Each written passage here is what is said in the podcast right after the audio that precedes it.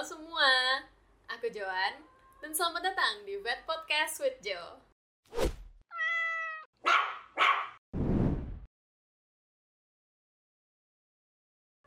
Hari ini aku kedatangan tamu spesial sekali yaitu Karin. Yeay. Jadi Karin ini uh, kayak teman terlama aku dari di FKH gitu ya. Soalnya kayak kita kenalan dewan. Jadi tuh ceritanya adalah dari SMA gue itu gak ada yang satu univ sama gue gitu.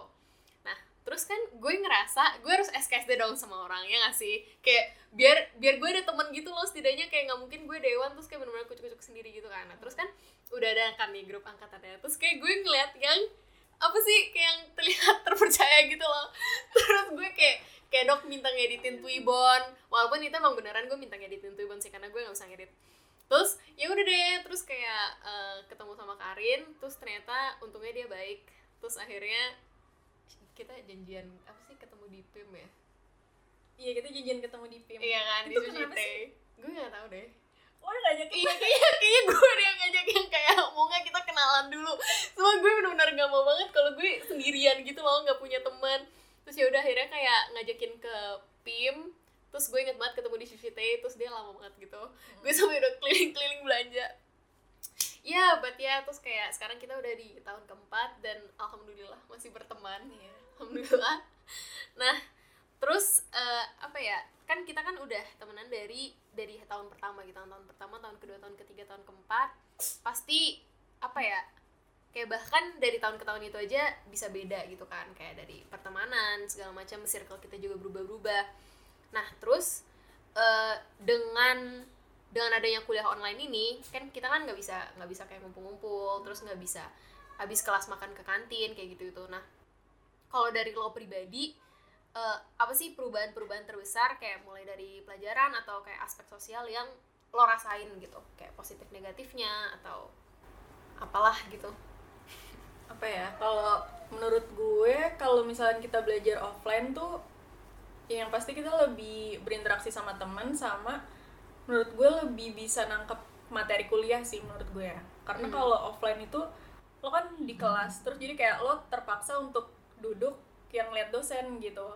Tapi kalau misalkan online itu kan lo bisa di kamar bisa di kasur bisa di sofa gitu kayak jatuhnya lebih santai jadi kayak kurang berasa the needs to ngedengerin si dosen yang lagi ngejelasin ini gitu. Kayak dan gak ada teman-teman juga yang kayak bakal ngingetin eh perhatiin gitu jadi hmm. kayak lebih santai dan menurut gue ya itu tergantung pada diri lo sendiri gitu sih lo mau mm-hmm. merhatiin atau enggak gitu ya terus menurut gue juga sebenarnya apa ya ya realistisnya aja lah kayak emang gak bisa kalau misalnya kayak belajar sendiri gitu kayak mahasiswa yeah. harus iya. belajar sendiri mahasiswa harus mempunyai inisiatif untuk membaca jurnal kayak gitu tuh ya itu realistis aja lah kayak berapa persen sih yang mempunyai niat belajar kayak gitu hmm. gitu kan.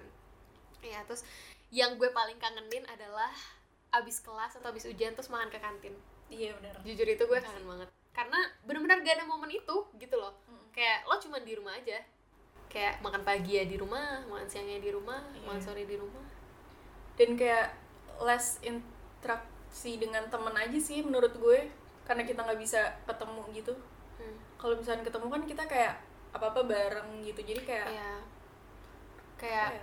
hubungan sama beberapa temen lo juga semakin renggang hmm, gitu semakin sih renggang sih sama online hmm. kayak yang emang bener-bener temen pasti lo bakal keep catching up with each hmm. other gitu loh tapi kalau misalkan lo cuman yang teman say hi di kelas kayak itu pasti pas online udah nggak apa ya bahkan menurut gue udah nggak sapa-sapaan lagi gitu loh karena aneh aja gak sih kalau di yeah, yeah. online kita kayak hai gitu tapi yeah. padahal kita nggak ketemu gitu atau nggak lagi ngapa-ngapain gitu.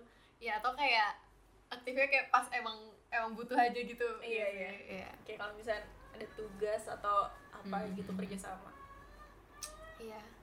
Kayak jujur gue juga akhir-akhir ini ngerasa kayak aduh kangen tahun kedua ya kangen tahun ketiga gitu. Kayak di saat kita masih bisa jalan ke kota gitu kayak belajar yeah, ke iya, kota. jalan-jalan sih. Dan lain-lain. Ini satu lagi kayak belajar bareng. Kayak oh gitu. iya belajar bareng. iya iya oh benar-benar kayak sampai malam-malam ke perpus kayak iya, gitu iya, itu kangen banget sih. Walaupun banyak julidnya banyak ngobrolnya ya tapi ya emang momen itu gitu. Iya. momen itu emang emang seru banget. Kalau belajar bareng online tuh kayak kurang kerasa gitu loh Hmm. feelnya. Hmm.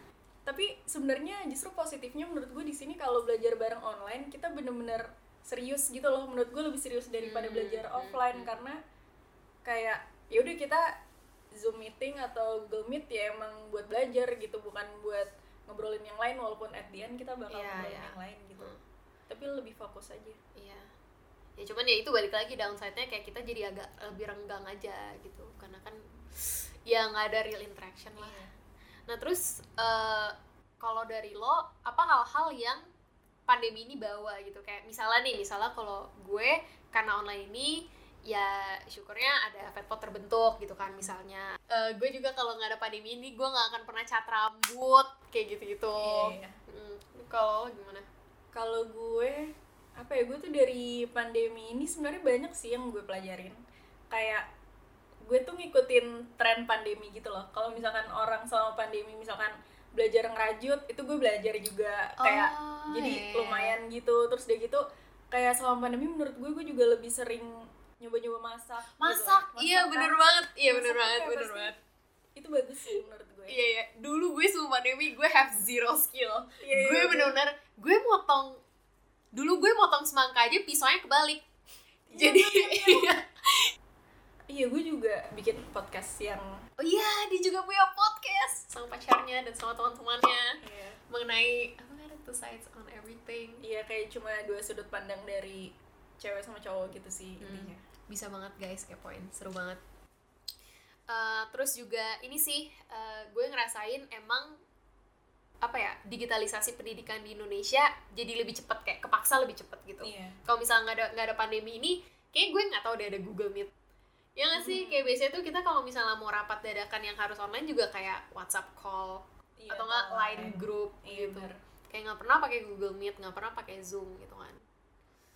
Nah eh, btw gue pengen ini deh pengen nanya sesuatu hal yang mungkin lebih personal gitu jadi lo kan orang tuanya dokter hewan gitu dan dokter hewannya sukses gitu hebat dikenal banyak orang nah terus kan juga lo kan dua bersaudara kan dua bersaudara tapi kan kakak lo bukan FKH ya Iya. Nah berarti kan ya istilahnya nih jatuh di lo gitu. Lo ngerasa gak sih kayak ada pressure atau apa ya? Ya maksudnya tuh kayak lo harus membuktikan diri kalau lo lo harus bisa sehebat atau lebih hebat dari orang tua lo gitu. Iya. Kadang pada awalnya sih gue ngerasa ada pressure kayak gitu ya kayak maksudnya mulai dari gue masuk FKH nih semua orang tuh udah yang kayak eh mau ngelanjutin orang tuanya ya Hmm. gitu kayak Kayak anak udah kayak sini ya iya gitu. ya. kayak kamu mau ngelanjutin papa mama ya kayak gitu kan nah itu dari situ tuh gue yang kayak cuman iya gitu tapi sebenarnya kayak gue masih belum tahu karena lapang kerja dokter hewan itu kan luas banget kan dan Mhm. bahkan dari awal itu malah di otak gue gue nggak mau sama kayak orang tua gue gitu Hmm. karena menurut gue kerjaan kayak orang tua gue itu apa ya kayak hampir 24 jam gitu loh kayak mesti uh, on buat klien gitu jadi sebenarnya gue masih belum tahu gitu mau jadi dokter hewan apa dan menurut gue sih dari orang tua gue sendiri mereka nggak pernah yang kayak apa yang ngebebanin gue gitu loh kayak Mhm. nggak nggak kelihatan kalau mereka berharap tinggi gitu cuma menurut gue malah dari orang-orang sekitar yang kayak misalkan teman-teman gue yang tahu gue orang tua dokter hewan gitu atau kayak rekan-rekan kerja nyokap bokap gue justru mereka yang kayak menurut gue mereka yang naro high hopes di gue gitu loh karena gue Hmm, takutnya hmm, tuh hmm. dipandang gini nih kalau misalkan eh anaknya dokter ini kok kayak gini sih kok nggak Hmm. bisa ini gitu kok ditanya ini nggak tahu kayak gitu loh gue yang hmm. takutnya tuh kayak gitu gitu pandangan orang lain justru bukan dari orang tua gue sendiri gitu jadi ya yang gue takutin Iya. itu sih makanya dari awal gue di FKH sampai sekarang gue ditawarin untuk magang di tempat orang tua gue tuh gue yang kayak gue nggak mau karena kayak yang gue takut ya itu kalau misalkan gue ditanya sama dokter di sana terus gue nggak bisa jawab terus yang kayak orang Iya, jadi iya, iya. mandang gue rendah atau gimana gitu Iya iya benar-benar. Cuma ya soalnya gue emang emang kepo sih. Maksudnya kan kayak banyak kan beberapa teman-teman kita kan juga yang orang tuanya kan dokter hewan gitu kan. Ya gue nggak pernah merasakan itu gitu karena walaupun orang tua gue dokter tapi kan beda banget gitu kan. Jadi mereka kayak ya udah gitu dukung aja. Ya semoga kalian yang orang tuanya dokter hewan atau dokter atau apa pun lah kayak pengacara atau yang kayak profesi-profesi yang sama. uh, uh, yang sama tuh kalian apa ya kayak ini udah 2021 gue rasa sebenarnya lo nggak harus sih ngikutin jejak orang tua lo. Kayak gue tahu sih kayaknya banyak orang tua yang mungkin menuntut gitu ya anaknya buat sama. Cuman ini opini gue ya opini gue. Ya you live your life gitu. Kalau misalnya lo mau jadi sesuatu yang beda dari orang tua lo ya why not gitu kayak karena yang ngejalanin hidup lo juga lo kan ke depannya. Jadi jangan sampai lo salah pilih dan terpaksa. Iya sih bener apa yang kata Juan tadi. Karena gue masuk FKH juga karena keinginan gue gitu bukan emang Hmm, dari orang tua gue, gue nyuruh gitu. Jadi ya gue emang ngikutin diri gue dan awalnya tuh gue biasa aja gitu loh. Kayak nggak kebayang waktu gue udah masuk bakal kayak gimana. Tapi ternyata dari orang-orang tahu gue udah keterima di FKH dari di situ baru berubah semua pandangan orang ke gue gitu loh menurut gue. Tapi yang menurut gue tetap yang kata Juan tadi yang ngejalanin kan lo. Jadi kayak nggak perlu lo dengerin semua kata-kata orang itu gitu. Kayak menurut gue biarin aja mereka mau berpikiran apa sama lo atau kayak berharapan tinggi sama lo. Tapi ya tetap aja you do you aja menurut gue sih. Dan kalian punya kekuatan kalian masing-masing. You have your own strength oke jadi kayaknya itu aja sih ya yang kita bahas kali ini.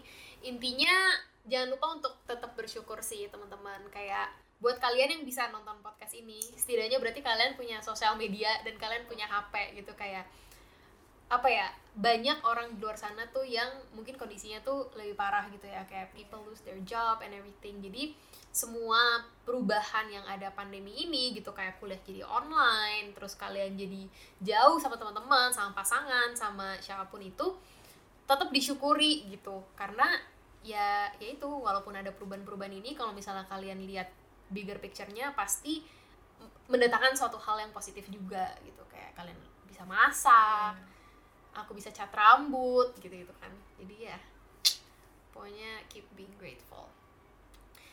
Oke uh, that's it for this episode. Terima kasih banyak Karin udah mau ngobrol-ngobrol. Maaf merepotkan ini banyak banget dramanya guys. Sumpah mulai dari kamera nggak lurus-lurus lampu segala macam ya pokoknya tapi seru banget. Thank you so much for listening guys. Bye bye